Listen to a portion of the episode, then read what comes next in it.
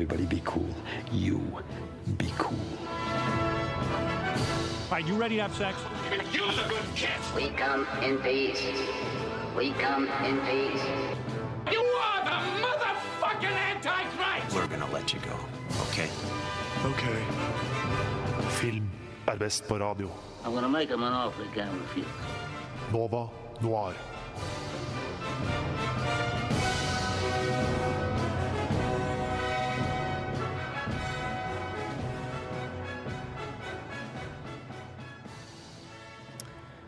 Hei og velkommen til Nova Noir sendestart høsten 2016. Mitt navn er Javad Benhamo, og med meg i studio så har jeg gode godeste Ravn. Ravneren. Og bak spakene har vi eh, en helt ny tekniker. Vi har ikke Linda i dag, vi har en Henrik. God dag, Henrik. God dag. Eh, det er eh, sesongstart, ikke bare for TV-seriene som vi skal dekke i løpet av dagen, men også for vårt program her, Nova Noir på FM 99,3. Og i løpet av dagen så skal vi liksom bare prøve å catche opp litt av hva vi har gjort i sommer. Eller hva? Det stemmer. Det stemmer. Det er en ny sommer for oss eh, her, og vi gleder oss til å virkelig få dette her filmtoget rullende på de filmskinnene de er på. Og jeg tror det kommer til å bli en eh, ganske heftig høst. Vi har veldig mye, veldig mye på tapetet når det kommer til nyutgivelser og slike ting, så det blir jo veldig spennende å få høre om det. Det er nice, det er nice. Men så blir det sånn her, litt, sånn, litt sånn overgang. Nå har sommeren gått, vi har ikke hatt sending på sånn, da, åtte uker eller noe sånt, og høsten kommer, og da veit du at TV-serien starter, og sommerblockbusteren over, og vi er akkurat midt imellom. I tillegg til at det er kommet et par filmer som har laga noen headlines som vi også skal ta tak i i løpet av dagen. Uh, som ellers, i og med at det er meg, Javad, som har uh, dagens sending, så blir det alltid veldig mye rappmusikk. Uh, og det gleder mitt hjerte å kunne sette på sesongens første låt, 'Summertime' av Krayshawn og V Nasty.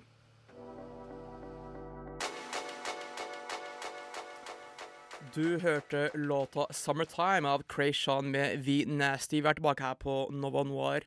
Og eh, vi skal Som eh, dagens første stikk, som alltid, så er det litt nyheter.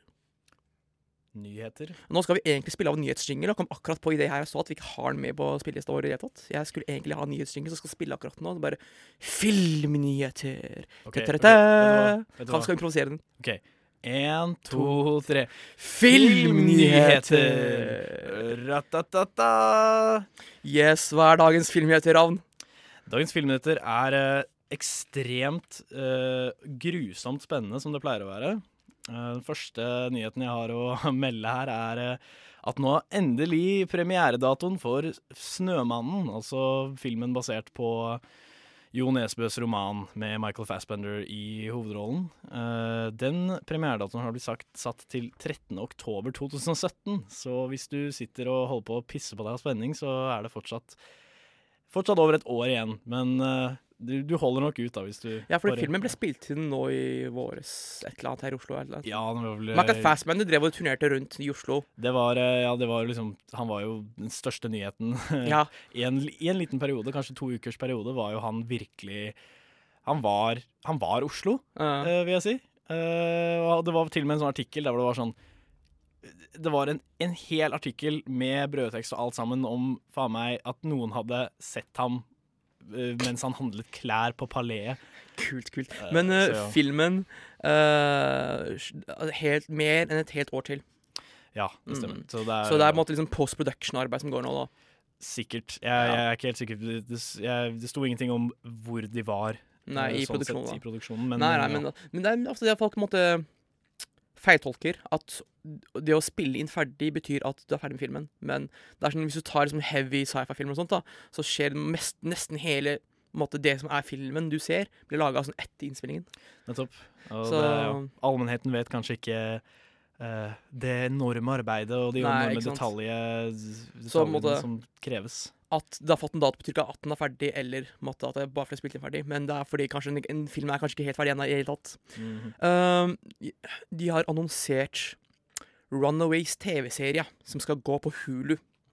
Har du hørt om Runaways, Ravn? Det har jeg ikke. Fortell.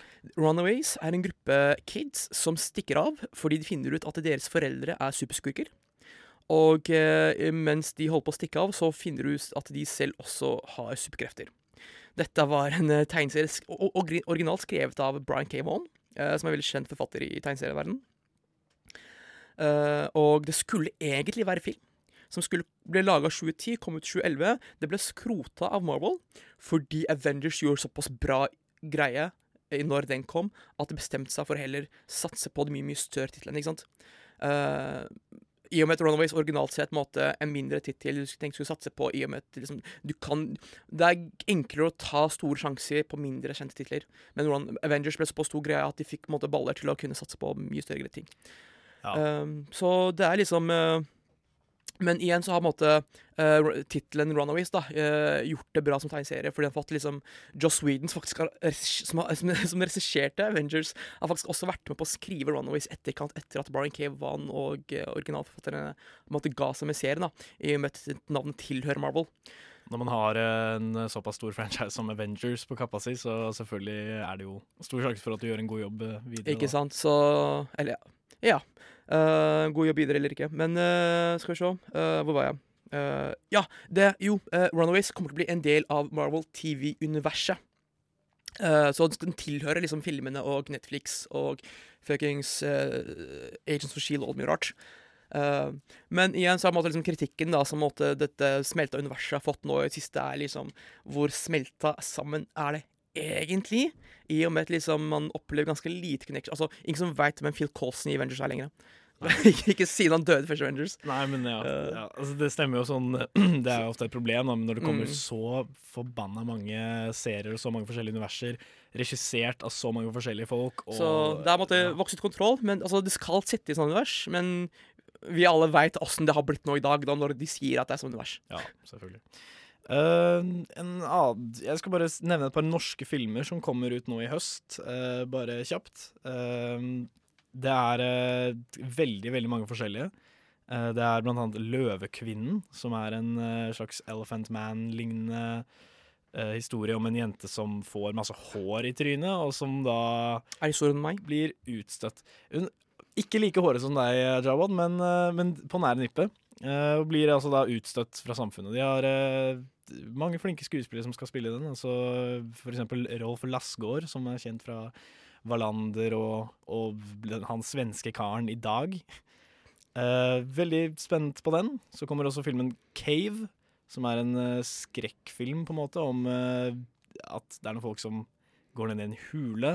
Så er det også en dokumentar om Magnus Carlsen eh, som kommer. Det er jo Eh, Alle, jeg kan alle ville ha si det. at eh, remakes Annonsert remakes av både Clue, altså Board Game i Clue, skal remake til en action-adventure-film. Og de har planer om å lage multifilm-franchise av Clue. Og It, altså Stephen Kings It, skal remakes. Mm. Der kommer stille bilder av nye Pennywise. Alt mye rart. Så mye remakes også. Ja, publikum bare jubler og bare Yay! Vi vil ikke ha originalitet, de ha remix. Nei, men herregud. Uh, vi skal, uh, apropos old schools, vi skal sette på en ganske gammel låt, men en veldig stor favoritt av meg. Dette er låta 'The Choice Is Yours' av Black Sheep.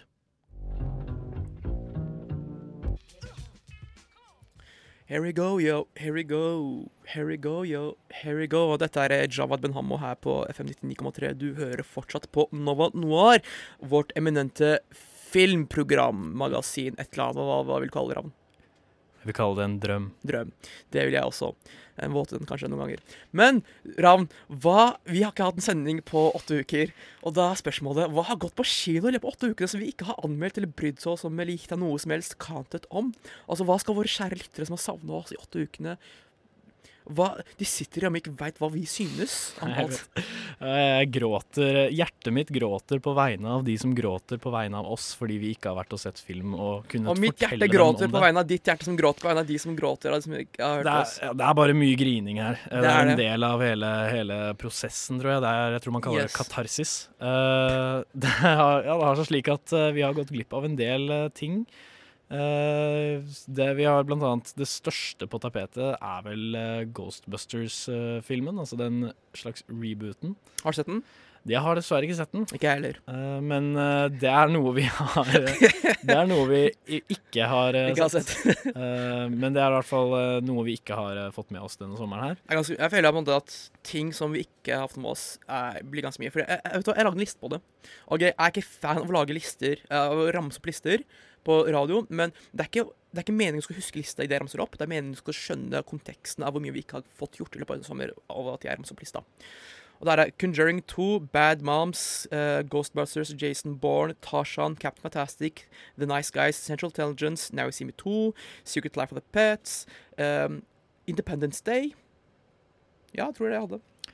Og alle disse filmene her har jo fått uh, I hvert fall de fleste av dem, de største av dem, som for eksempel si Independence Day og Now You See Me 2 og uh, sånne ting. Alle de har jo fått veldig blandede kritikker, da. Og uh, du har liksom Du har alltid Ofte er det publikum versus anmelderen.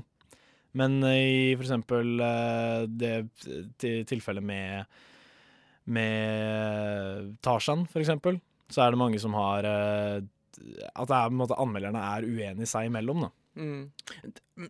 Jeg syns det er en sunn ting at anmeldere ofte kan være noen ganger uenige. Uh, jeg for min del, altså uh, Jeg ser ikke et problem med det. Men uh, noen av de filmene her har fått rein slakt. Og ok, ikke noen. Independence Day har fått reinslakt. Independence Day har fått reinslakt. Ja, sant, sant. Men altså, det er noen som, noen som vil si at uh, de har, føler at filmen har gjort mye mer hvis den får blandede kritikere og anmeldere, enn hvis den kun får positivt eller kun får negativt. da. Mm. Uh, men altså i Ja, hva heter det? Even a pile for shit, you can find nuggets of perfectly good corn. Er ikke det det heter? Jo, det er noe sånt noe. Det er noe sånt noe. Uh, jeg, jeg husker ikke hvor det er fra, men, men det er Det er en eh, klassiker. Absolutt. Jawad. Bra. Bra jobba. Bare hyggelig. Uh, men ja, Independence Day er jo også en, eh, en surf, et surfebrett på den store bølgen som kalles uh, reboots, remakes, uh, sequels. bølgen. Eh, Ja, fordi vi, altså, Conjuring 2 var en sequel. Ghostbusters var også en reboot. Jason Bourne var en sequel. Du, ja, jeg så Jason Bourne. Ja. Jeg likte den ikke. Case closed. Uh, det er ikke en dårlig film, det er ikke det. Men, det er, men jeg hadde ikke anbefalt å se den på kino. Mm. Og så hadde jeg måtte ikke, Nå har jeg ikke måttet tatt meg tid til å måte, som, legge ut en, måte, en brei analyse og anmeldelse. Jeg jeg har ikke gjort et godt arbeid ved den, men liksom på farta så hadde jeg kanskje gitt den en seks eller sjuer. Uh, hvis jeg hadde på, på en, kanskje en god dag kanskje en sjuer, eller hvis jeg på en måte, kunne på en måte, tatt meg tid til å finne ut om det er ok, er det ting jeg faktisk satte pris på her.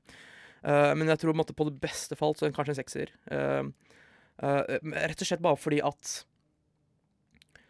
Dette er første Jason Bourne dette, Det var tre originale Jason Bourne-filmer basert på bøkene skrevet av forfattere 80-tallet. For det var på en måte spy-romaner var en stor greie.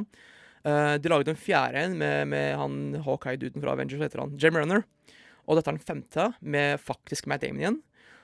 De sa i ganske stort over en lengre periode at de eneste som skal få dem til å lage en, en enda en Jason Bourne-film, er hvis på måte, liksom, de klarer å produsere en liksom en massiv eksplosjon av et fantastisk beist av en film. liksom. Det er ultimate summer blockbuster. Uh, og de sa at dette skal vi ha til grunne før vi faktisk kjører på med en annen film. men, uh, jeg tror ikke de klarte det. Jeg tror de prøvde det, og jeg kan se innsatsen i filmen.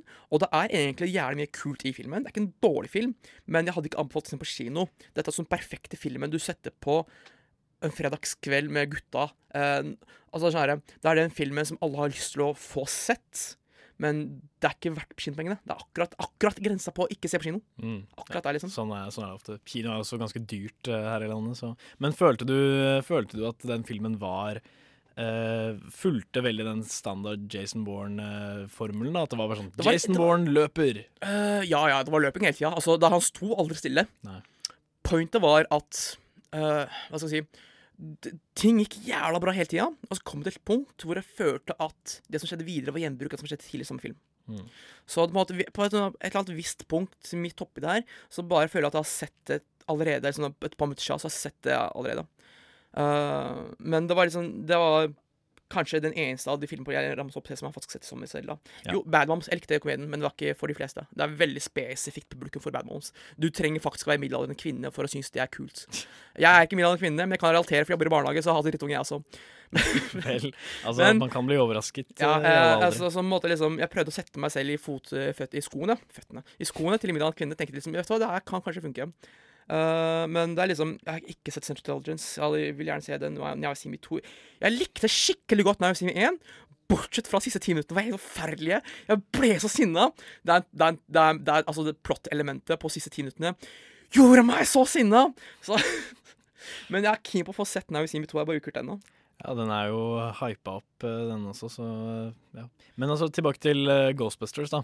Uh, bare for å snakke om dette her konseptet med, med reboots og alt dette her. At uh, det er jo slik at med mellom sånne, sånne filmer så er det Virker det som at alle anmelderne ikke kan innse at de ikke er åtte år gamle lenger.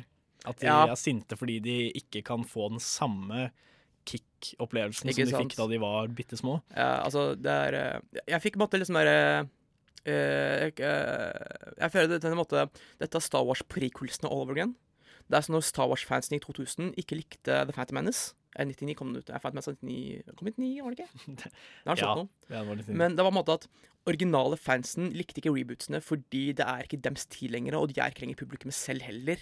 Mm. Uh, men jeg er helt enig der at uh, at måte liksom, folk liker ikke Folk, folk vil sitte og kose seg gode gamle, men det er måte, de skjønner ikke at de sitter og råtner i dem. Liksom. Ja, det det som er, at de prøver, man prøver på en måte desperat å bare tviholde på en sånn drøm om, om at Jeg vet ikke. Det er en slags sånn hig tilbake igjen til da man var yngre og ble, ble lettere imponert, da, på en måte. Og man har lyst til å bare få det samme igjen. Men mm. altså, det er som en heroinist som prøver å ta sprøyta om igjen og om igjen. Det skjer jo ikke Det fungerer ikke. Ja, Du får ikke det samme, får ikke det samme i det hele tatt. No longer same high. Uh, men det er på en måte en liten smakebit, føler jeg, av at det som har skjedd i sommer. Uh, jeg vet ikke om vi har gått gjennom alt på lista heller. Men uh, Roger Grosvold lagde et innslag for oss eh, for et halvt år tilbake om haisommer. Og jeg For meg så har haisommer det mest kultklassiske sommerfilmer noensinne. Altså, altså det, er, det er som å se fucking Så heter den, den der Bruce Willis-filmen eh, Die Hard. Die Hard i juletida. Da, så er det sommer i, så er det høysommer i sommertida. Mm. Det, er, det er litt sånn. Det er Men- et, ritual. Ikke sant, ikke sant. Men uh, det er eh, Hva heter det han, uh, Vi skal først ha en låt. Det er Mother America av Fashawn. Og etterpå skal Roger prate litt om haisommer.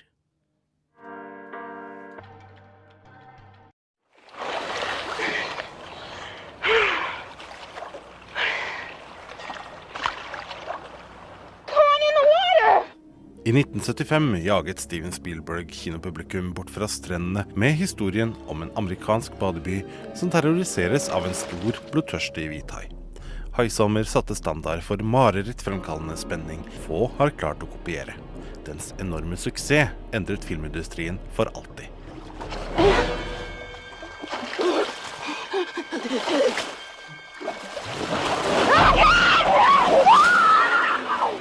For mange er det først og fremst åpningsscenen med den svømmende damen som blir tatt, som har definert deres opplevelse av filmen. Det er utrolig ubehagelig å se på. Du ser ingenting, og dermed forestiller du deg det grusomme som skjer rett under overflaten.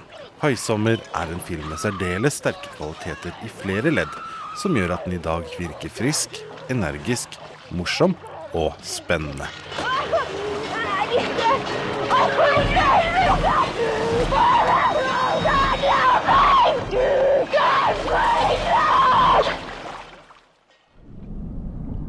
Haisommer fremstiller hvithaien som et kalkulerende og hevngjerrig dyr som bevisst jakter mennesker.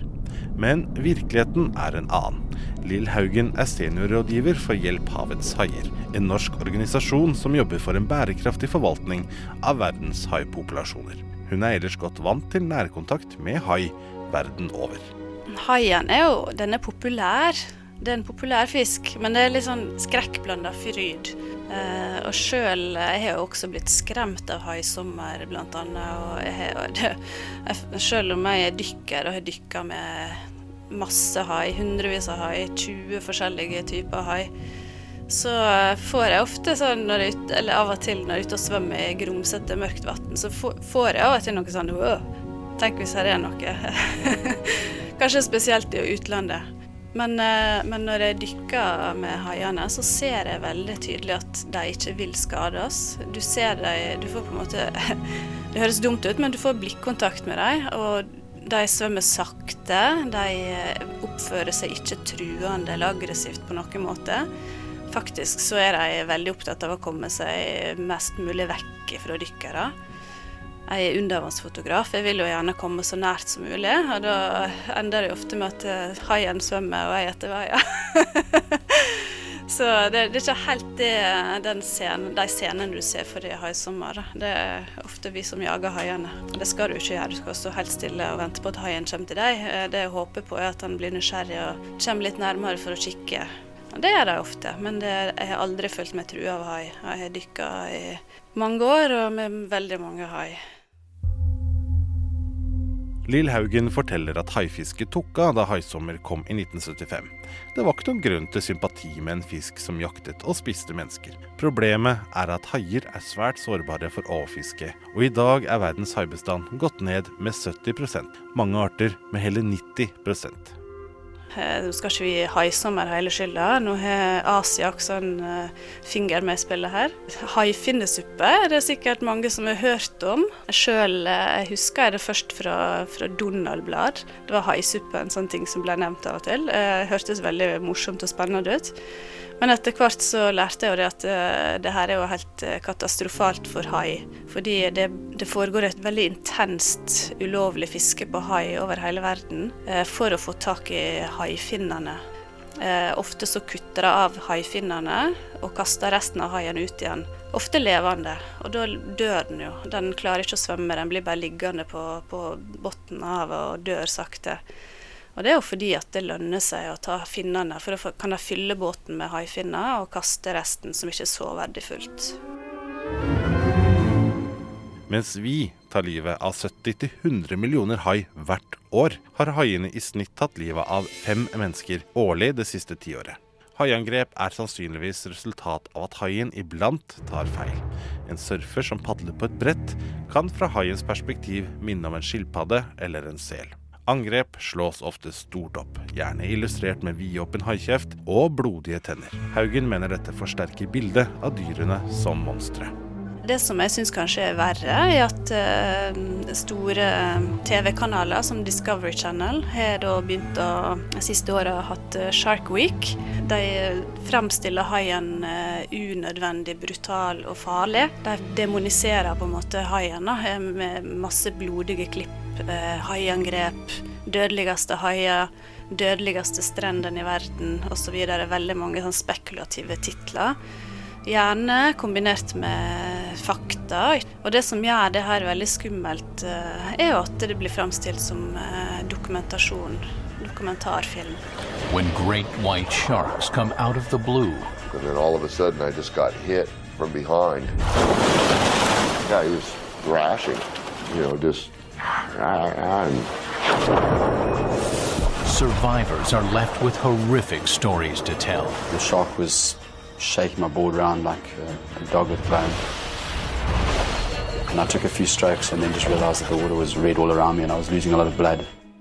Haisommer det var jo i det minste fiksjon, men når Discovery Channel kommer med dokumentarprogram om hai som skremmer vettet av folk, er helt unødvendige så, så syns jeg det er veldig trist. Eh, og jeg vet det er veldig mange andre som reagerer på det. Eh, det er nok eh, antageligvis for, at, for å tjene mer penger. Jeg vet ikke helt grunnen til det, men jeg vil tro at de fleste heller vil se korrekt framstilte dokumentarer om hai.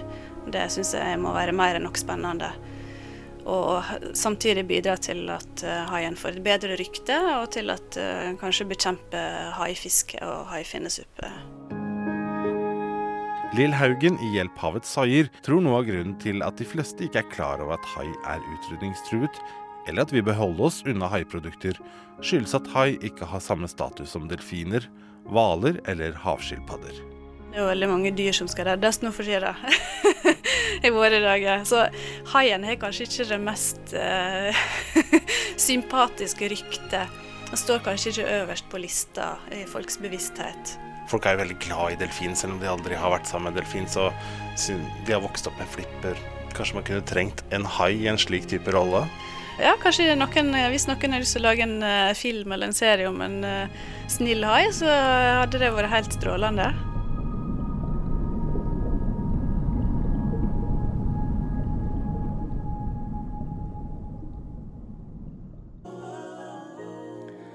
Du hørte låta 'Diddy Pop' av No Name, som er uh, en artist jeg fant i går i det jeg planlagte programmet Musikken Musikk spille på i dag. Eh, fuck, uh, jeg vil, eh, dette er på en måte liksom en av de Idet jeg søker på indie-chartsene, så var dette en måte de låtene som ikke gjorde cut på flere charts, men var på en måte en låt jeg likte ufattelig mye bedre enn de fleste låtene på de chartsene. Jeg bare, hva i all verden som foregår? Jeg vil anbefale faktisk No Name og låta Indie Pop. Altså, så er det No Name da, i ett ord. N-O-N-A-M-E. Mm. Google that shit, Spotify that shit. Jeg syns det er helt fantastisk fet mellobeat. Vi skal prate litt om Suicide Squad. Den beryktede, forryktede eh, filmen. Eh, Det blir ikke en anmeldelse, men vi skal prate altså, okay, ok, Vi har lagt opp det til å på en måte Vi, vi kjører samme modellen som en anmeldelse, men vi kommer til å prate litt begge to uten å faktisk Og vi kommer til å spoile litt, da. I og med at altså, Den går på kino, det er ikke noen premiere lenger og alt mye rart, men den, fortjener, den trenger å bli prata om. Så skal vi bare kjøre litt rett ut på traileren. Ja, vi har sett på traileren. Gentlemen, ladies, what if Superman had decided to fly down, rip off the roof of the White House, grab the president right out of the Oval Office? Who would have stopped him?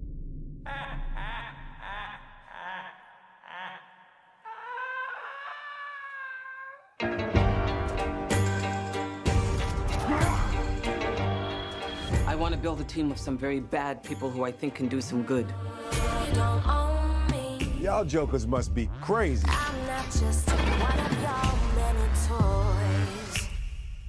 Huff.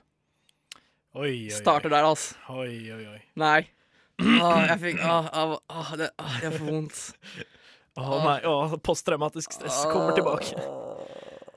Vel, Y'all jokers must be crazy. we got a problem on our hands, Mr. Jawad. Uh, OK, hvor skal vi begynne? Hvor skal vi begynne? Hvor skal vi begynne? Ok, uh, vel, jeg så denne filmen for første gang på kino i går kveld. Mm. Sammen med vår redaksjonsleder Miriam også, som eh, er en del av programmet. Det stemmer. Uh, så den i sal 1 på Colosseum. Den gigantiske hulrommete salen. Der hvor det høres ut som at du sitter inne i et gigantisk badekar. Men uh, bortsett fra det, vel bra kino. Filmen eh, var eh, Var en, en film, vil jeg si. Den, den, hadde, sine, den hadde sine øyeblikk. Uh, altså, for det første, det første jeg har lyst til å si her, er at jeg følte at første halvdelen av filmen var en trailer. Uh, det var bare Det var kjapt, veldig kort, konsist. Veldig kjapp uh, introduksjon av alle karakterene som skulle være med. Bare klapp, klapp, klapp, klapp, klapp. Her er han, her er han, her er hun, og her er det, og sånn er det. Og så begynte liksom filmen, og andre halvdel av filmen ble bare et overblåst tegneserieuniversaktig Tegneserien er Nei, nei, nei. Ikke, nei, nei. Det er ikke, ikke sammenligne med tegneserier. Det får du ikke lov til. Nei, OK, OK. Eh, det var i hvert fall et veldig, veldig overdådig, veldig over the top uh, opplegg, da, det som skjedde i andre halvdel. Eh, og jeg tror faktisk at Altså Med tanke på at denne filmen her har hatt uh, så mye hype som den har hatt når liksom, Traileren begynte å gå for utrolig lenge siden, og har vært, folk har vært supergira på den. Og det er det som er nettopp er største problemet mitt, da. Er at jeg syns trailerne var helt fantastiske. Altså, jeg ble liksom Jeg ble helt i ekstase da jeg så det traileren. Tenkte herregud, dette kommer til å bli så kult. Uh, se liksom alle disse skurkene i, eh, i nye roller og på en måte få alle de, introdusert alle disse nye karakterene i det universet og alt sammen. Um, og uh, ja, det, det Jeg tror det var det som var, at det var utrolig mye i filmen som funket skikkelig bra i trailerne, men som i selve filmen falt helt flatt og ikke ga noe særlig respons. Ok, Jeg kommer til å spoile filmen idet jeg prater med alt jeg hata. Ja, skal jeg bare kjapt, kjapt for, dere som ikke, beware. for dere som ikke av en eller annen grunn ikke kjenner til Suicide Squad, det er eh, en film som foregår i det samme universet som Batman og Supermann, DC Comics-universet. Ja, Man of Steel og Batman v Supes. Og det handler altså om en, eh, at eh, det er noen som At regjeringen har lyst til å sette sammen en slags supergruppe av superskurker, og disse skal da Redde verden. redde verden og Ja, ikke sant? ja, bli Så er kontrollert av regjeringen. Bare the heroes of the movie are basically bad guys. Det stemmer. Men de gjør alt feil! De gjør alt ah, OK, hvor skal jeg begynne? Um, hva hater jeg mest? Amanda Waller. Jeg hater Amanda Waller mest. Nå- k- karakteren var ikke on point i det hele tatt. Hvem var det hun spilte? Amanda Waller det var den store, feite, sorte dama. Eh, ja, men Amanda Waller, i absolutt alle inkarnasjoner av Amanda Waller, så er hun feit, sort dame. Uh, og mitt største problem er på en måte at hvis du har the nutsacks til å piske de baddest, big, biggest and baddest uh, skurkene fra hele DC-universet, så trenger du å vise major colonies.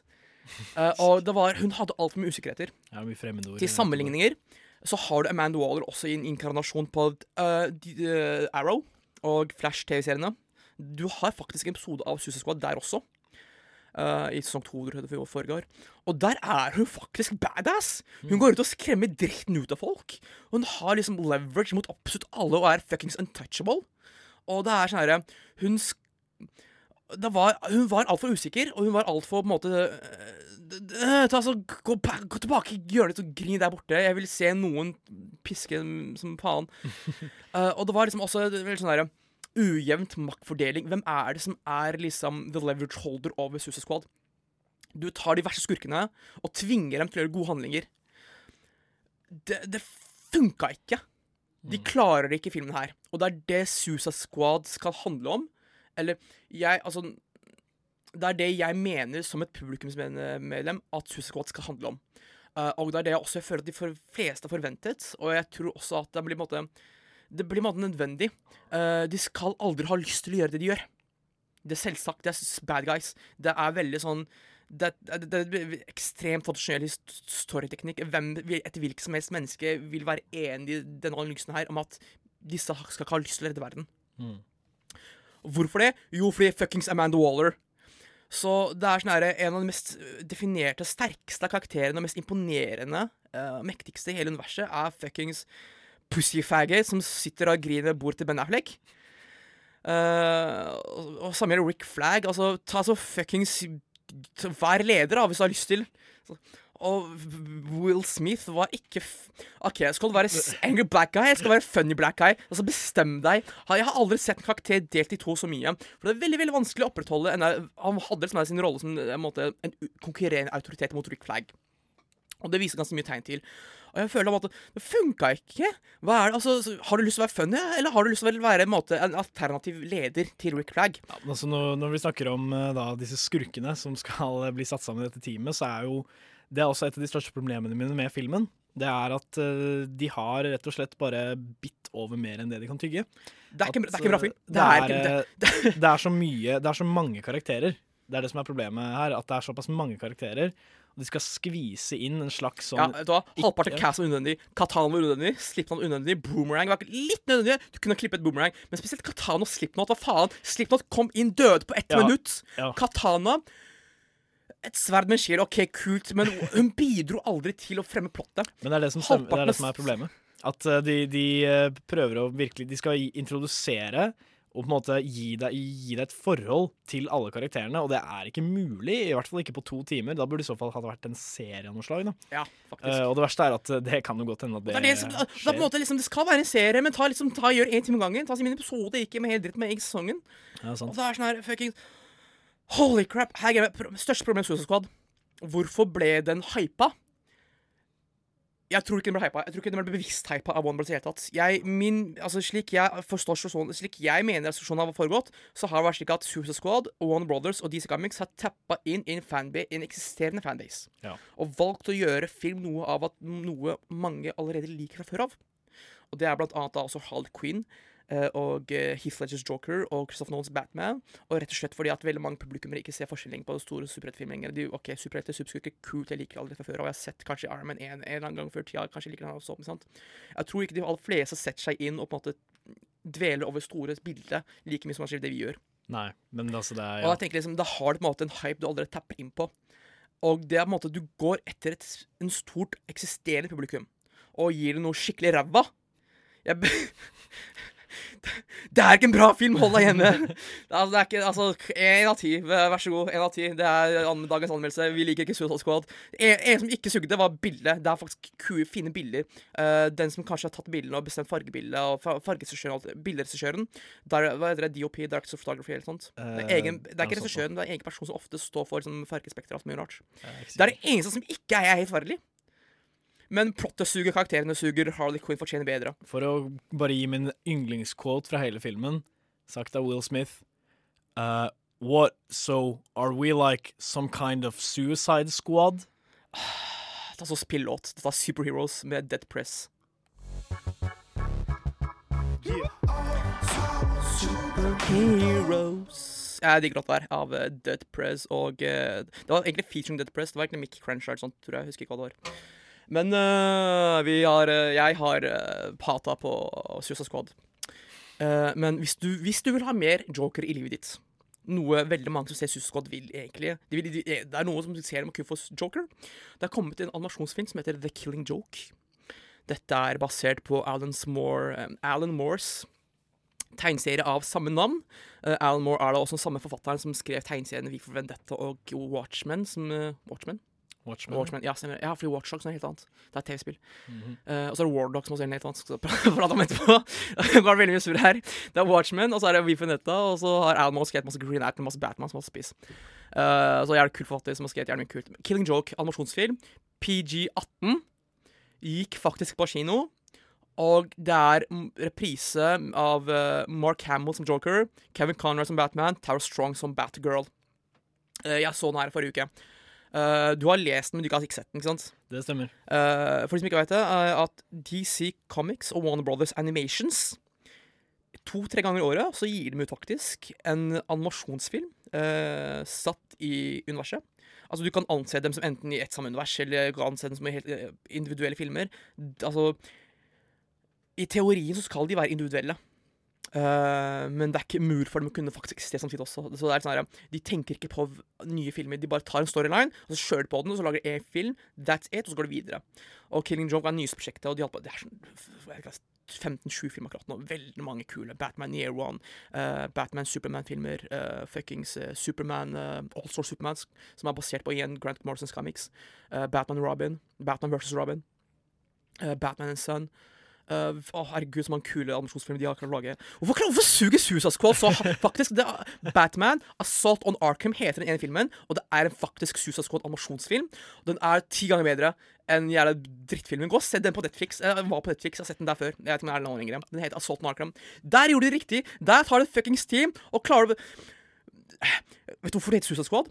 Fordi faktisk medlemmene dør i løpet av actiongreia. Det det, det det er én twist på absolutt alle Suicide Squad storylines. Bortsett fra kanskje filmen her, da, som går på kino, er at de kommer til å dø i løpet av filmen. Det, Så den, den rettverdige handlingen Ja, ja, men okay, hadde vært hvis alle døde på slutten. Tilbake til Killing Joke. Akkurat det som var basert på tegneserien, var fantastisk bra. Det nye de la til, funka ganske dårlig. uh, men har du noen tanker om Killing Joke?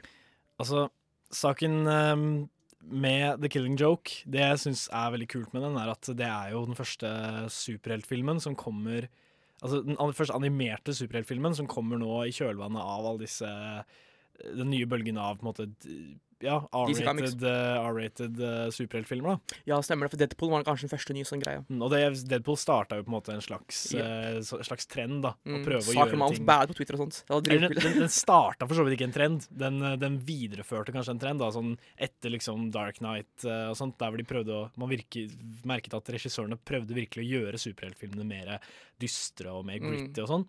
Så tok Deadpool og bare gjorde det. Liksom, vet du hva, vi kjører på med bare blod og gørr og banning og bare sex og alt sammen, fordi det må det bare være for at folk skal eh, Like Deadpool, like liksom. Deadpool.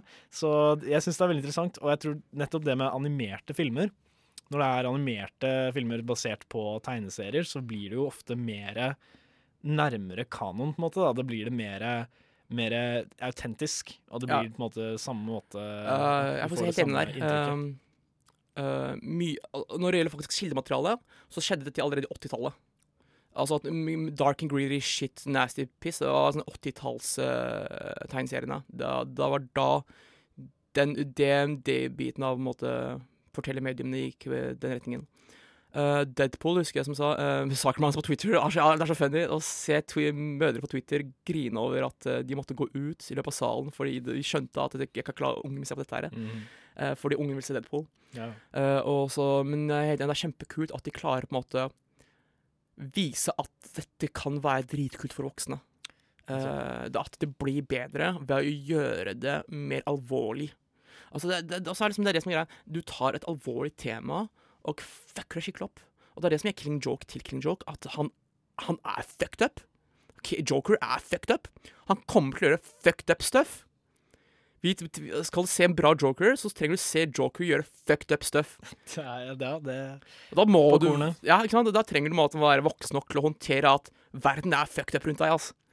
Men det er det som er at uh, altså, Vi har snakket om dette her tidligere. At uh, alle disse remakesene og rebootsene og sånn er en del av at man har lyst til å være ung igjen. Mm. Og uh, det er jo en grunn til at det har kommet så mange superheltfilmer nå i det siste som på en måte blir laget for voksne, fordi disse folka som vokste opp med disse tegneseriene, nå har blitt voksne og virkelig føler at de må gjenopplive den uh, følelsen. Mm. Men det som er saken, er at hvis de klarer å gjøre det på en ordentlig måte, og gjøre det på en måte Gjøre det rasjonelt og gjennomført, men samtidig ta tilbake litt de samme vibbene som man fikk da man var ung, så er det jo blitt en stor suksess. Da, det, da har de gjort jobben sin riktig. Jeg syns Killing Joke gjør en veldig bra jobb. Uh, den starter funky. De la til ting i De la Altså, filmen er På et visst punkt så blir filmen ren adopsjon. Men du legger til ting der før, før der igjen. Så da måtte du ha på en måte en todelt storyline. Legger de til ting om Nei, Joker? nei ikke helt tatt. Nei. Fra og med du har Joker, så kjører han uh, originale. Og vet du hva? Uh, det som ble overrasket meg, var at jeg skjønte i det jeg satt og så på, at det som gjorde en PG-18, var liksom originale storyen. Den er faktisk ikke for Når du først animerer den, så blir den ufattelig mye mer skumlere. Mm. Og var, jeg fikk bare chills langt nakken når jeg sitter her. Men eh, Mark Hamill er fantastisk som Joker. Jeg er stor, stor fan av akkurat hans eh, rollebruk. Eh, så det er synd at han er for gammel til å spille Joker på scenen. uh, han, er, han, er, han er feit og gammel nå, liksom. Du, altså, han han kunne ikke si en dritt heller under fuckings Force Awakens på Star Wars. Men uh, som Joker så er han helt fa eksepsjonelt fantastisk. Men det er nettopp det at, eh, at eh, som vi snakket om, at det er lettere for dem å gjøre det mer autentisk og mer Mm. likt tegneserien når det er animert. Ja, det tror jeg på. Og det jeg merker ofte i tegneseriefilmer eller superheltfilmer eller hva faen, så er det ofte at de Man merker at de prøver så hardt å få det til å bli tegneserieaktig med Mm. måten de filmer det på og sånt. Uh, og det er dritbra. Sånn Sin City gjorde det dritbra. De fikk det til skikkelig bra med den skikkelig stilistiske måten å, å Mm. lage det på, komposisjonen og, og måten de hadde brukt farger og sånt. Mens andre filmer, mange Marvel-filmer og sånt, merker man at prøver veldig hardt å, å få den tegneseriefilen, men får det ikke helt til. da. Vet du hva, jeg hadde, skulle mer enn gjerne tatt tråden eh, du starter der og gjør noe ut av den. Fordi jeg har kanskje noen ting, et par ting å si, men jeg tror ikke vi rekker mer enn det. Jeg bare anbefaler King Joke eh, akkurat nå. Eh, men for å komme videre opp i, med programmet, så er dette låta 'Walks All Over You' av Katie Shaw. Jeg liker film, jeg liker musikk, jeg liker filmmusikk, og jeg liker musikkfilm. Om du legger dette sammen, så blir det for meg The Commitments. I 1991 kom The Commitments ut på kinoer i Storbritannia. Gjennom Jimmy Rabbits management produserer nordsiden av Dublin et lys levende ellevemanns soul-band. Du skal lete lenge etter elleve hvite irer som kan kjøre sånne versjoner av Aretha Franklin og Wilson Pickett. The Irish are the blacks of Europe, and Dubliners are the blacks of Ireland, and the Northside Dubliners are the blacks of Dublin.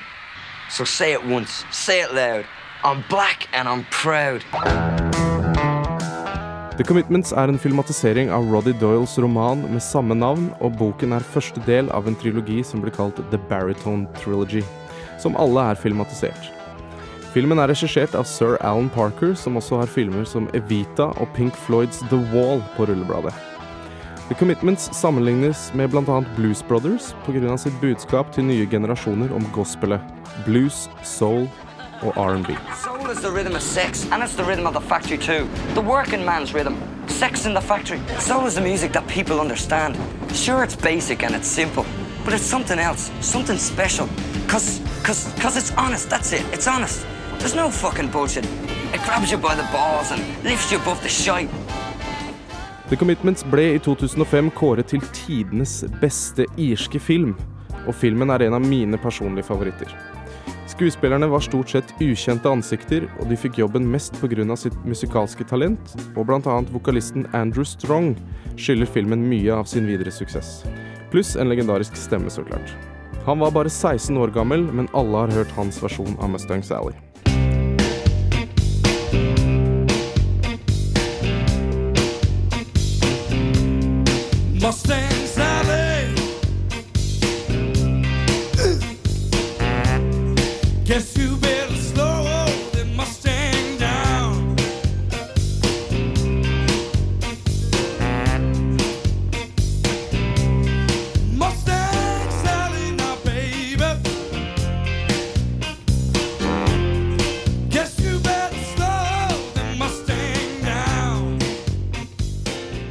Regissør Alan Parker har dette å si om grunnlaget til historien. If you grow up in Dublin, uh, in a working class situation, uh, the only way you're going to get out of the world is like is three things really. You're either going to be a you know a professional boxer, a professional football player, or you get into music. And many kids get into music because just buying a guitar, learning a few few chords is, is good because it makes you feel good about yourself, and it's the only chance that you might have because one day you might be you too, or Sinead O'Connor. Filmen handler i bunn og grunn om et ønske om å bringe soul til Dublin. Robert Arkins åpner filmen med en sang, og han spiller også hovedrollen som Jimmy Rabbit. Jimmy setter sammen et band med venner og bekjente, pluss en annonse i avisen som lyder. Have you got soul? If so, the world's hardest working band is looking for you. Contact Jay Rabbit. Rednecks and Southsiders need not apply. My name's Jimmy Rabbit. I'm putting a band together. I need a singer. Where'd you hear me singing? At the Quirk wedding. I was pissed out of me brains at 14 mum and blacks. You got up and sang. I did? No one told me. Første gigen er den lokale kirken kamuflert som en konsert mot heroin. Men folk lager legendene, og det kom masse folk. Det er en feelgood-film om fattige arbeiderklassemennesker som får til noe selv om oddsene er imot dem. Look, I know you're hurting now, but in time you'll realize what you've achieved. I've achieved nothing. You're missing the point. Success of the band was irrelevant. You raised their expectations of life, you lifted their horizons. This way it's poetry. Det er mye humor og mye musikk.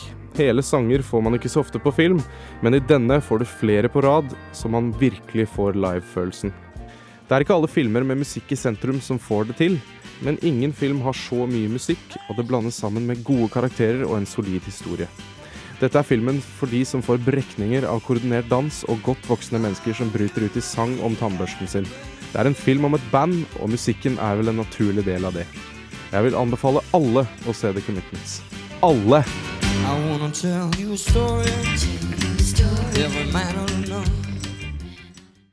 Ja, ja. Det er eh, låta 'Can I Get A Witness' av Sunreal. Uh, som jeg kan egentlig nesten ingenting om, men jeg syns låta er dritkul, så jeg satte den på lista. Uh, sjekk ut Sunreal, S-O-N-R-E-A-L. Ikke sant? Sånn Sunreal, men i ett ord, da. Låta 'Can I Get A Witness'. Ravn. Jawad. Hva har du sett på i sommer? Det er åtte uker. Du ser, vi ser på ganske mye dritt oss begge to, tenker jeg. jeg tenkte, La oss ta oss litt og finne ut hva det vi har faktisk har sett på i sommer, når vi ikke har jobb eller skole. Eller ok, kanskje jobb og skole ved siden av, da, men jeg vet da faen, jeg vil se på dritt hele tida. Hva har vi sett på i sommer? Det har uh, vært en uh, ganske herlig sommer uh, til tider, men ve veldig mye variert vær. Så når det har vært regnværsdager, så har man jo sittet og sett på sine saker og ting. En uh, ting jeg har sett på i sommer, er blant annet hele serien Sopranos. Å, kult! den- Å, jeg skulle ønske jeg kunne gjøre det igjen altså, for første gang. Åssen var det? Det var uh, ganske heftig. Det var uh, Altså, saken var at leiligheten min hadde bare kortsluttet. Hele strømmen hadde gått, så jeg dro hjem til foreldrene mine, bodde der i to ukers tid. Og da fikk jeg jo utrolig mye tid til å bare sitte da og se på shit. Eh, hadde jo ferie, og alt sammen var fryd og gammen, så jeg så hele den serien. Jeg, altså, var Mora mi er en sånn super mafia, eh. Jeg liker moren din. Så hun har altså alle disse seso- sesongene av Sopranos på DVD. Uh, og det passer jo meg veldig godt, siden det er en HBO-serie, og HBO har ikke serie på Netflix. Og jeg er ikke typen som har råd til å betale for HBO Nordic, så jeg eh, fikk jo anledning til å se den da. Og altså, saken er at jeg er veldig, veldig eh, imponert. Utrolig bra gjennomført serie. Eh, hvis du er glad i antihelter og, og hva nå en antihelter driver med, spesielt når det kommer til mafiabransjen i New York i 2000, fra 2001 til 2006, så eh, anbefales absolutt den serien. Den er utrolig bra manus, skikkelig mange bra plot points. Og den er liksom, den lider ikke av det syndromet som mange serier nå for tiden lider av, at den blir sånn så slitsom at du omtrent ikke orker å se på lenger. At det skjer så mye jævlig at du bare ikke vil se på. Sånn som mange serier, som eksempel Breaking Bad og, og sånne litt mer moderne serier. Det er ikke en serie hvor alt går til helvete hele tida. Nei, ikke sant. Og det er heller ikke sånn Det er ikke sånn torture porn, holdt jeg på å si. Det, det, er ikke, det, er, det er liksom det er ikke sånn lange scener av folk som liksom blir knivstukket og revet opp og shit. Det er liksom De holder volden på et smakfullt nivå, da. Det er mer, business and pleasure, oppsi. Eh, ja, det, du kan si det på den måten også. Og det er utrolig bra, mange, utrolig mange bra minneverdige karakterer i den, og utrolig mange bra, bra kommentarer og alt sammen. Jeg, kjenner, jeg, altså, jeg, jeg føler jeg kjenner meg igjen i absolutt alt du sier. Eh, Jeg så den uh, flere år tilbake. Jeg tror det var uh, fire eller fem år siden nå. Det var, det var en ting jeg gjorde om sommer også. Det er, sånn, det er, det er sommertider du har tid til å maratone shit, fordi ingen, ingen sesongen går, film OK, film går helt igjen, altså, men det er liksom Du har store mengder fritid på en gang i løpet av ferier. Mm. Spesielt sommer. Ja. Uh, til sammenligning så har jeg faktisk holdt på med akkurat nå Sons of Anarchy. Ja. Uh, igjen også en Outlaw-serie. Uh, og så ja, Altså, jeg er sånn Jeg, jeg er sånn mafiafaggot, jeg også, sånn som moren din. Jeg, jeg synes det er helt, Favorittfilmen min er Goodfellas. Jeg har sagt det før ganger, så jeg kommer til å si det igjen. Eh, så Sopranos på en måte snakker veldig mye til meg, og veldig mye nære væremåten deres. Ja. Bare uh, sånn derre Forget about it. Mm. Og, Ah, there he is! Og sånn. Uh, I'm a marksman, what you take me for? Ja, utrolig. Det er skikkelig mange sånne Ja, Sopranos. til, eh, Altså, til mafiafilmen ja. og sånn. Det holder liksom liv i antihelt og outlaws. Uh, å være en helt handler ikke om å redde verden. Mm. Bare veldig kjapt. eh, akkurat i Sons of Anarchy så husker jeg et, en gang så ble ordet outlaw Det ble Mm. oversatt med råtass i, eh, i teksten. Så det, jeg syns det bare var helt herlig. Det er, sier så mye om uh, norsk oversetning. Uh, ja, en annen side kan rett. Um, Breakout Kings. Har du sett den? Nei. OK, igjen. Uh, altså, plotta Altså, det er to sanger. Uh, Tolv episoder hver eller noe sånt. Du, er- du blir ferdig på to dager. Og så er det sånn De bruker convicts, som er i fengsel, til å fange andre uh, convicts som har stukket av. Suicide Squad Uh... Mm, det, du kan dra om paralleller, men de, er, altså, de, de har basically bare tatt non-violent criminals og bruker street smart-metoden deres til å på en måte finne Altså, de lager en task force i samarbeid med politiet. Mm. Og så får de på en måte goder, da. Eh, De som eh, er task forcen, de får goder eh, fra politiet. og sånn, nedsatt fengselstid og alt mulig rart. Det var ikke en top-notch serie, men jeg var veldig underholdt. Ja. Ja, altså, ja, som ja, faktisk veldig Beste måte kan si det på. Jeg var highly entertained. Jeg syns den var kul å se på. Det er ikke, det, er ikke det beste jeg har sett. Det er ikke Sopranos eller Breaking Bad for meg. liksom. Altså, altså, ok, Favorittserien var Weeds, den også, men uh, sånn som Anarchy er bedre. Men det var Det har vært til tider mer underholdt av Breakout Kings den, sånn ja, den er litt sånn low-key, på en måte. Du kan, du kan se på den hvis du bare har lyst til å ha Ja, noe å se på. Det er sånn f- Det er fun. Det var, det var gøy. Ja, det, er, det, er, gøy, rett og slett. Det er godt å høre. Uh, men ellers er måte point, uh, person of interest. Noe helt dritten der. Og så Fort 400. Har du sett den? Nei. Forferdelig piece of shit noensinne. Jeg, jeg, altså, OK, jeg husker jeg så Fort 400. Den er fra 2004-2007. Jeg så den på TV3 første gang jeg var drittunge. Jeg bare Yes, sci-fi! Dritkult! Jeg elsker sci-fi! Det er sånn jeg var skikkelig der da, ikke sant. Og så canceler de den. De slutter å vise den. Jeg, jeg, jeg var kjempelei meg. Og så Jeg fikk meg Viaplay i sommer fordi jeg skulle se på slåsskamper. Og så UFC. Men fikk Viaplay, og så plutselig bare var den her. Og bare shit, den husker jeg! Å faen, det er helt glemt. Å, det må jeg se på. Da ser jeg hele dritten. Og så, den er forferdelig. Det er ikke rart det tok den av. Den er ikke Den starter skikkelig bra. Og bare, åh, dritkult. åh, det husker jeg. åh, det er åh, dritnice. åh, åh, åh. Og så bare Hva er dette? Altså, altså kommer det et punkt hvor jeg å tvile. Bare, hva, er det, hva er det jeg ser på? Det er sånn, hva er det dette skal? Altså, det er, dette er ikke smart. Eller det er sånn det, hmm, for noe? Sånn, er sånn, sakte, men sikkert så bare vender i meg om til liksom ekstatisk 13-åring. Altså, han, han blir knust, ikke sant? Det er veldig der, da. Jeg ble plutselig en faggot som hadde på Ghostbusters bare, bare for en remake. Ja, men, men, altså, eh, det, det, var, det, var ikke, det var ikke en bra serie. Ja, gutter og jenter, eh, alle dere som hører der ute, dere må huske på det at eh, Jawads ord er lov. Uh, han har rett.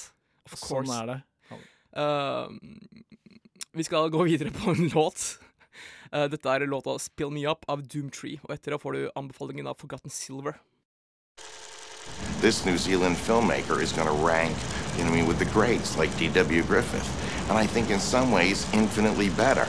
I've got to confess, Colin Mackenzie was just a name I'd read somewhere in a book, in a history book, and he didn't have a lot of impact to me until this great discovery of all of his films and the historical research that's gone with it, and now I am just flabbergasted. Du har ikke hørt om filmpioneren Colin McKenzie, ser du?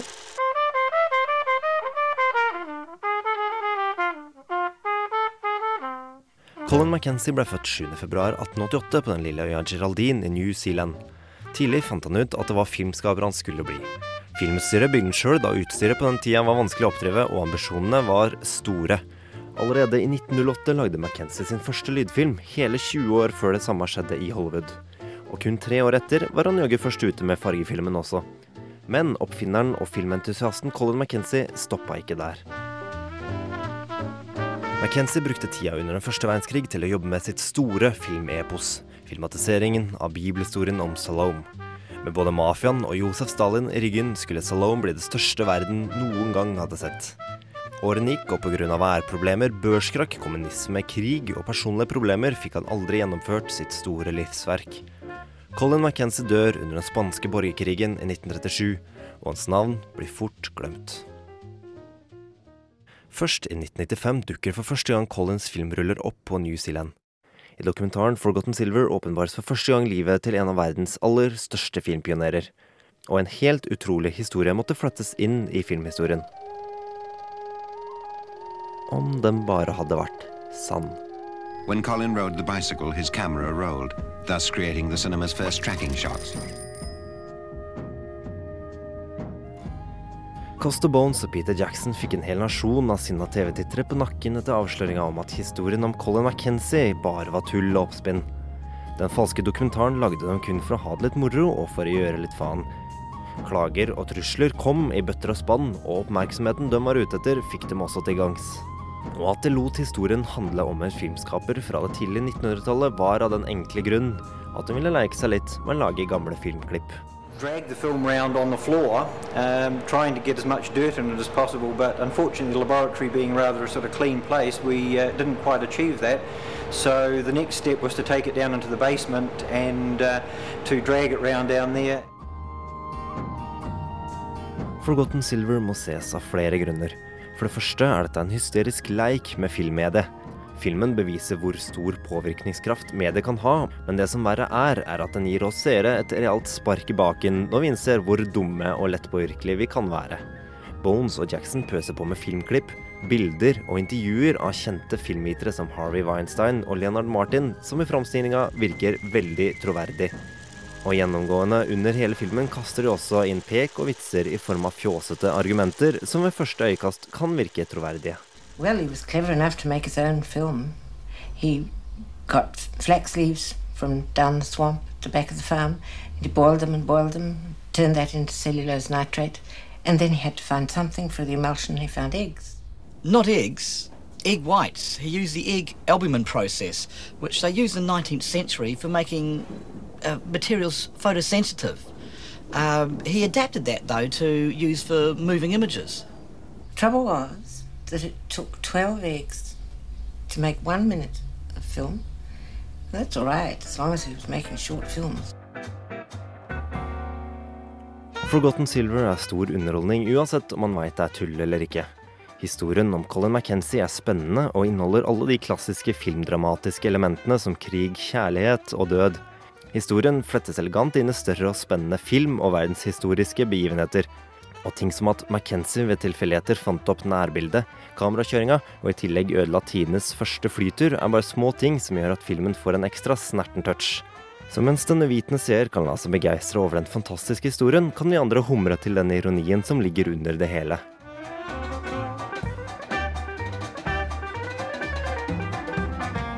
Colin was in love. Maybelle proved to be an excellent actress. The chemistry between her and Brooke was electric. They lit up the screen. Besotted with Maybelle, Colin moved his camera nearer and nearer to her. In the process, he invented the close up.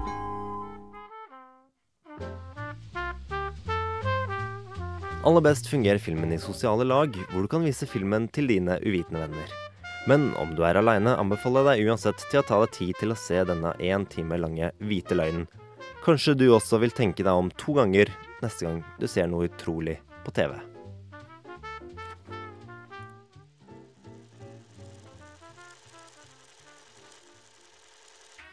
Jeg eh, drar til Frankrike i oktober.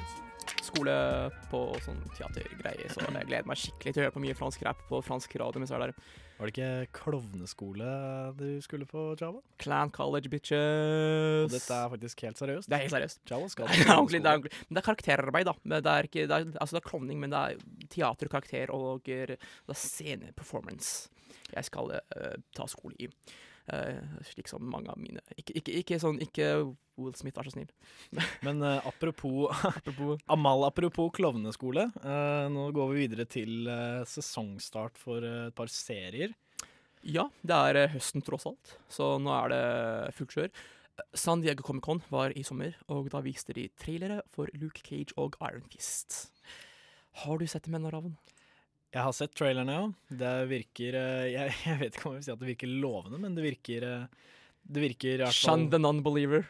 Det virker, virker som at de kommer til å gjøre karakterene sånn som de er i tegneserien. i. Jeg gleder meg skikkelig. Altså, Luke Cage, uh, som har Du så han i Jessica Jones. Han får sin egen soloserie, og det skulle han på en måte Altså det var planlagt fra starten av, før Jessica Jones, at han måtte introdusere Luke Cage og så bad guys. Sammen med Defenders, som skal være et team mellom Luke Cage, Iron Fist, Jessica Jones og Daredevil. Det, men det er lenge etterpå, da. Men akkurat nå i høst så har vi da basically Luke Cage og Iron Fist. Uh, Luke Cage har Hans superpower da er basically indestructible skin. Så det er ikke så super-super. Altså, derfor han tilhører på en måte Marvel Street-greier. ikke sant? Han er på en måte ikke fuckings uh, blasters fra håndladde, slik som fuckings Iron Mountain piss. Men uh, det er basically en black guy som ikke kan bli skutt av politiet, alt på å si. Han Men han er, det, er, det, er, det er det eneste black guyen i USA som ikke kan bli skutt av amerikansk politi. Han kan bli skutt, han bare ja, det, det, de, dreper han får, ikke. de får ikke noe ut av De får ikke noe ut av det. Det funker ikke. Det blir ikke noe Eh, rettssak. Nei, ikke sant. Og politimannen kommer ikke unna heller. Uh, skal, det kan veldig Men er det, er det sånn at hvis man skyter han i øyet, så Jeg er ikke helt sikker. Jeg er ikke så into Lauren av Luke Cage. kanskje, Eh, Han har kanskje kul, sånn bulletproof eh, øyelokk også? Jeg tror det er øyelokkene. Men det jeg skulle si uh, Hvis du ser på traileren, så er det sånn uh, fuckings uh, låta er Older Bastard Shimmy Shimmya, som spiller bakgrunn. sant? Og alle episodene har fått tittelnavn etter Gangstar-låter. Altså rappduoen Gangstar har uh, sånn fullt klipp og sånt. Eh, så det er, sånn her, det er så kult å se at eh, de holder skikkelig tro til tradisjonen og connection mellom tegneserier og hiphop. Og at de måtte klare å overføre den til på en måte attraksjon og TV. og alt mulig. Altså, gleder meg skikkelig. Jeg tror det det kommer bli det kuleste soundchecket jeg noensinne har hørt på. Og jeg har hørt det ganske sikkert, jeg har sikkert allerede hørt alle låtene før om. Uh, Iron Fist har så den traileren her. Jeg har også sett den, ja. Det virker Ah, kul ut! White boy fighting like hell og sånt. Jeg så faktisk alle de trailerne for de nye superheltseriene sånn rett etter hverandre for første gang. Mm. Så det var bare sånn Å, oh, herregud! Det var liksom nesten litt den for en helga med masse trailere. Det var sånn overdose. Synd at filmen ikke blir like bra som Suicide Squad. Vel, det er, det er et gjennomgående er tema at Suicide Squad uh, suger. Ja, det er er eh, det jævligste som har blitt laget gjennom hele historien. Uh, men en annen fra en superheltunivers et annet. Du har også en annen serie som starter nå i høst, og det er da Det er så mye som eh, Legion, som da Mhm. også er en superheltserie. det er, eh, vi- det er en, en abs absolutt en eh, voksende trend. Eh, men det er eh, altså da Den tilhører eh, Marvel-universet. Den tilhører X-Men-universet. Eh, så det er en slags spin-off fra det, da. Han, altså, han har det er, Legion er en sånn superhelt som har Altså Han har masse stemmer inn i hodet og masse hallusinasjoner og masse drømmer og sånt. Hovedpersonen i Legion hører hallusinerer Ja, og stemmer. som, man, som man tror bare er en sykdom, men så viser det seg å, kanskje det er ekte, og kanskje det er Herregud, nå klikker det. Men så er det i en alternativ tidslinje til X-Men-filmene. Så foregår på en måte ikke Det kommer sannsynligvis ikke til å se noe av X-Men, i hvert fall. I hvert fall ikke de fra filmene, da. Mm. I, I den serien. Men det skal på en måte foregå i samme univers, bare i en slags parallell tidslinje, da. Ja, men Det blir kult, for nå har du måte Du har Warner Brothers, som har DC-greia si. Men så har Marvel sine greier, som er splitta ut mot flere filmselskaper. Dette blir da Fox-produsert, fordi det er Fox som fortsatt eier X-Men-franchisen. Så det blir ikke Marvel Cinematic Universe eller Marvel TV. Eh, Det blir ikke måte Det er ingenting med Marvel Studios å gjøre at Legion kommer på FX. Det er kun Fox som måte bruker og ekspanderer på like linje med Warner Brothers og Marvel Studios. Så det er det kuleste faktisk med det. Ja. Men uh, vi skal anmelde Warlogs etterpå. Men først så skal vi ha en låt, og det er låta FML av K-Flay.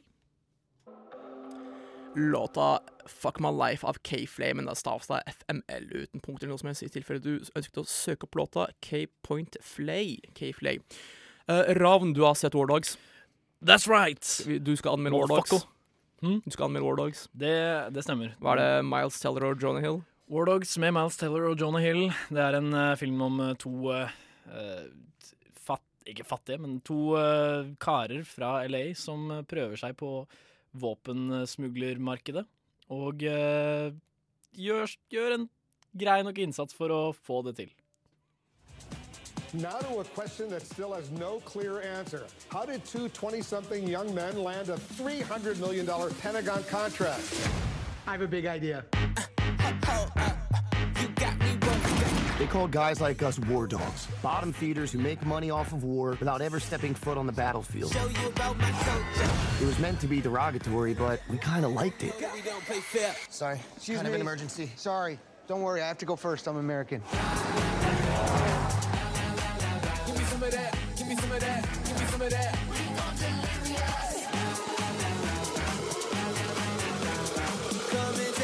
You seriously want to drive to Baghdad? David, we're gun runners. Let's go run some guns. Ok, Jeg vil bare starte med å si at dette er sånn type film som jeg liker å se. Sånn type, altså At amerikanere lager filmer hvor de lager narr av sin egen amerikanske kultur. Ja, det er det som er eh, Det er det som jeg tror var litt intensjonen her med denne filmen. Mm. Det er eh, Regissøren er Todd Phillips, som er eh, blant annet han som har regissert eh, The Hangover. Eh, og det skinner veldig gjennom, da, føler jeg. eh, at det er veldig den samme type stilen. Eh, Ja, det kan, måte, Du føler du ser hangover, bare med nye karakterer og nytt plott. ja, på en måte. Men det, det som er problemet, er at filmen ikke helt klarer å bestemme seg for hva den skal være. Uh, altså, saken er uh, For å bare klarere hva, hva på en måte Hva du mener premise er, er da, i hvert fall. Det er John Hill og Miles Teller spiller uh, Ephraim Diveroli og David Packhouse, som da er to smålige karer som, som kommer seg inn på våpenmarkedet. Og de finner ut at det er en sånn nettside der man kan eh, eh, selge våpen til den, altså regjeringen i USA. Så han Ephraim, som spilles av Johnny Hill, klarer på en måte å shanghaie han eh, David inn i det her. da. Og saken er at dette er basert på en ekte historie. Og det er jo en veldig veldig fantastisk historie. Det, det, til tider så er det vanskelig å vite hva slags, hva, hva slags ting som faktisk skjedde, og hva slags friheter de har tatt seg da, når det kommer til storyen. Men hvis det viser seg at så å si alt i filmen faktisk skjedde, så er det en helt fantastisk historie. Um, men det jeg merket med, merket med en gang, da, var at uh, det er en veldig, veldig sånn ambivalent film. Uh, fordi det starter på en måte som en slags sånn veldig absurd komedie, nesten. Det er sånn helt ekstreme ting som skjer. eh, mye skyting og mye sånn Å nei, oh, alt, alt er crazy. It's a crazy cookie world. Uh, alt var sånn helt vilt. Men så gradvis utvikler det seg mer og mer til å plutselig bli sånn Oi, dette handler visst om på en måte Amerikas forhold med Kina og med Midtøsten, og nå, nå er de plutselig i skikkelig deep shit, og alt som går til helvete, og, men ikke på en sånn morsom måte. Det blir bare, det blir bare trist. Det blir bare fælt. Um, så det er det som er, da. Liksom, de hopper sjangre. Ja, på en måte, ikke, men ikke på en veldig smooth måte. Det blir bare mer, mer nesten forvirrende, Mm. samtidig som det blir veldig forutsigbart. da. Ja. Altså for eksempel, Filmen åpner jo med måte, et slags flash forward. da. Uh, av at uh, Å, han, hold, han sitter, eh, hovedkarakteren sitter og skal bli skutt av noen albanske Ja, sånn, ja, du starter med, med høydepunktet, Ja. og så skal du vise filmen hvor du viser på veien til Ja, høydepunktet. sant? ja, nettopp. Og det er jo sånn veldig klisjé-ting, og det, det er ikke nødvendigvis noe galt med akkurat Nei. det, men, men det, var, det var veldig klisjé. Og veldig mye av det sånne Deadpool gjorde det samme. Ja, nettopp. Men det veldig mange sånne virkemidler gjennom filmen, da, som for eksempel at uh, framen, altså bildet, fryser, og så blir det en voiceover. Uh, Deadpool gjør også samme. ja, ikke sant? Det er det som er. Det er overalt, ikke sant. Ja. Det er veldig mye, og problemet med det er at det brukes ikke på riktig måte, syns jeg. Du får ikke fram det komiske ved det. Sånn, fordi det er ofte som skjer i sånne filmer der hvor de bruker det som et komisk effekt, er at det fryser på et veldig morsomt bilde, eller at du får mye ut av bildet som sies, og så sier han noe som faktisk er bra, da, men, men uh, det. Um, Jonah Hill har spilt en del body comedy-movies, blant annet med i 21 Jump Street og lignende. ikke sant? Mhm. han, jeg tror ikke han har spilt i en body comedy-movie med Miles Teller tidligere, har han vel? Det har han ikke. Nei. Hvordan uh, funker Jonah Hill nå? Altså, er han like Er han, måtte, Funker det like bra? Er, måtte, klarer han å gjenskape Nei? Nei, eh, Nei. altså John Hill er jo en av de Hollywoods liksom mest beryktede eh, karakterskuespillere. da. Han Mm. er liksom alltid han.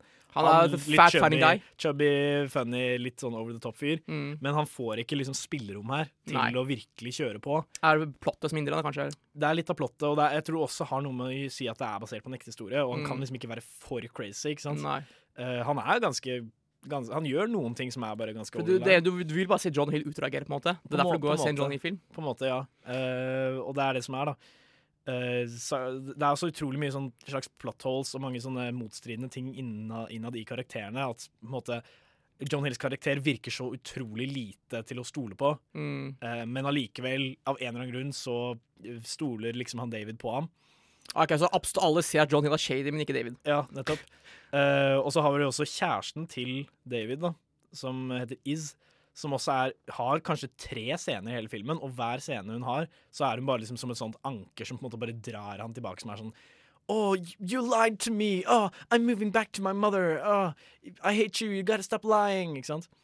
Eh, apropos Miles Teller, uh, karakteren David. Uh, for Skuespilleren Miles Teller Jeg så Whiplash nå forrige uke, og nå igjen, og det, eh, eh, den er fantastisk. Mm.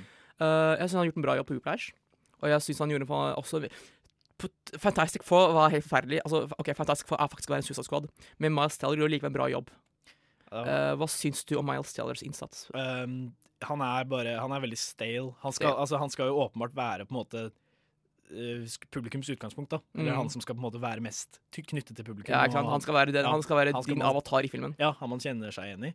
Men han får, jeg syns ikke han får det til. Uh, fordi han skal være på en måte litt sånn uh, shady fyr som skal på en måte, ja, cut corners og alt det der, men samtidig være sånn hyggelig familiefar-type. Og jeg syns bare ikke det fungerer i det hele tatt. Mm. Så altså, til eh, oppsummering så føler jeg altså, Slik jeg skjønte av hva du syns om filmen, så er det basically eh, masse gode ideer gjort på rar måte. Ja, på en måte. Og, mm. eh, og de, de tingene som skal være liksom absurde og morsomme, de blir ikke Nei. ut, de blir Så ikke på, en gjort måte, på riktig måte. Vel, godt intensjon Anfall, Burde jeg gå sent på kino? Nei. Nei. Uh, Hva vil du gi filmen av karakter? Jeg sier, hvis, er, hvis du har den type Johnny Hill-humoren, så kan det være at du kan synes den er morsom. Eh, men som sagt, Johnny Hill er ikke i sitt ess her. Mm. Bare vente på Netflix og DVD, liksom. Det er passer best Ja, hjemme i stua. Ja, absolutt. absolutt. Den er sånn, litt sånn av og det er en veldig fantastisk historie, og det er en morsom måte historien blir fortalt på. Så jeg, men jeg vil si at jeg gir den en eh, fire av ti, altså. Fire av ti? Wow. Den, var ikke, den Nei, holdt ikke helt mål. Ikke? Åh, Buddy Camera med Miles. Jeg så frem til det, faktisk. Jeg, synes han, jeg, jeg, begynner å bli fan av han. Men uh, det var eh, fire av ti til War Dogs av uh, anmelder Ravn her. Og uh, vi kjører på med vår nest siste låt i sendinga. Dette er Still Was Mine av Abstract, Abstract Rude og Just Say Please. Du hører på Still Was Mine av Abstract Rude og Just Say PLZ Please. Dette er eh, Mitt navn er Javed Mamo. Eh, jeg sitter her fortsatt med Ravn. Vi er Nova Noir, og vi har kommet til veis ende av denne to timer sending av Filmmagasinet her på eh, FM 99,3. Dette er vårt adjø. Vi har Jeg har snakka dritt om Suicide Squad. Uh, Ravn liker Du liker den ikke, du heller? Det er, det er konsensus på det der. det, det Eh, Miram, du så, som du så med vår redaksjonsleder i redaksjonen, har heller ikke likt den. Nei. Ingen, ingen liker Suicide Squad. Ikke se Suicide Squad! Ikke, ikke, ikke, på DVD eller Netflix heller. Den, den skjedde aldri. um, verken Suicide Squad eller Fantastic Four fra i fjor sommer skjedde noensinne. Bare fei den under teppet. Ja, ja, det var en feberdrøm. Se Killing Joke, animasjonsfilmen. Um, vent på War Dogs, som vi akkurat anmeldte like før låta. Du trenger, du trenger, ikke se den på kino. Sjekk den på den, Netflix når den kommer, så, så skjønner dere hva, hva Skjønner mm. dere tegninga. Den fikk en fire av ti. Uh, vi har uh, prata litt mye om litt forskjellig. Eh, altså, for, for, en sending jeg har på en måte sturt gjennom to timer, så dette Så er jeg ikke litt fornøyd med å kunne klare å variere det mer enn det hva jeg pleier å gjøre. Som regel så er det bare ett spor, bare 'superhero', så bare skjer på det. Nei, det er fort gjort da noen ganger. Eller også i filmbransjen. Det er mye superhelter og vanskelig, mye vanskelig å komme unna. Vanskelig å komme unna litt også, føler jeg. Uh, du er jo en reinspikka tegneseriefanatiker, ja, så Uh, men ikke bare det, men også fordi filmbransjen også funker som måten der. Altså Marvel stepper opp gamet fra én film annethvert år til tre filmer i året. Uh, sånn type ting. I tillegg til alle TV-serier. Oh, herregud, CW har sånn fire DC-TV-serier. Arrow, Flash, DC Legends, Supergirl. Det tar av.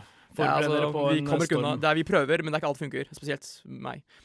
Men uh, som sagt, dette er vårt adjø. Uh, vi vil takke vår nye tekniker Eller vår nye tekniker, jeg aner ikke om Linda kommer tilbake eller ikke. Uh, men dagens tekniker har vært Henrik, i motsetning til vår gode gamle Linda, som ofte er takket på radioen. Han er også ny teknisk sjef her på Radionova. Nova. det er full rekruttering når ukene her kommer. søk! Hvis du har lyst til å være på radio, Studentradioen Oslo, FM 99,3, Chateau Neuf, Studentersamfunnet, sjekk ut nettsiden radionova.no. Eh, vi kommer til å på en måte pushe det fremover, tenker jeg. Det er fett, ass. Yeah, boy. Siste låt ut, det er New Day av Unknown Prophets. Nova Noir? Nova Novar? Nova Bear. Nova Noir? Men herregud, Nova Noir. Hi, my name is Michelle Monahan, and you're listening to Nova One. Nova Noir. Nova Noir. Do you understand the words that are coming out of my mouth? Man. Nova Noir hver torsdag fra 10 til 12 på FM 99,3.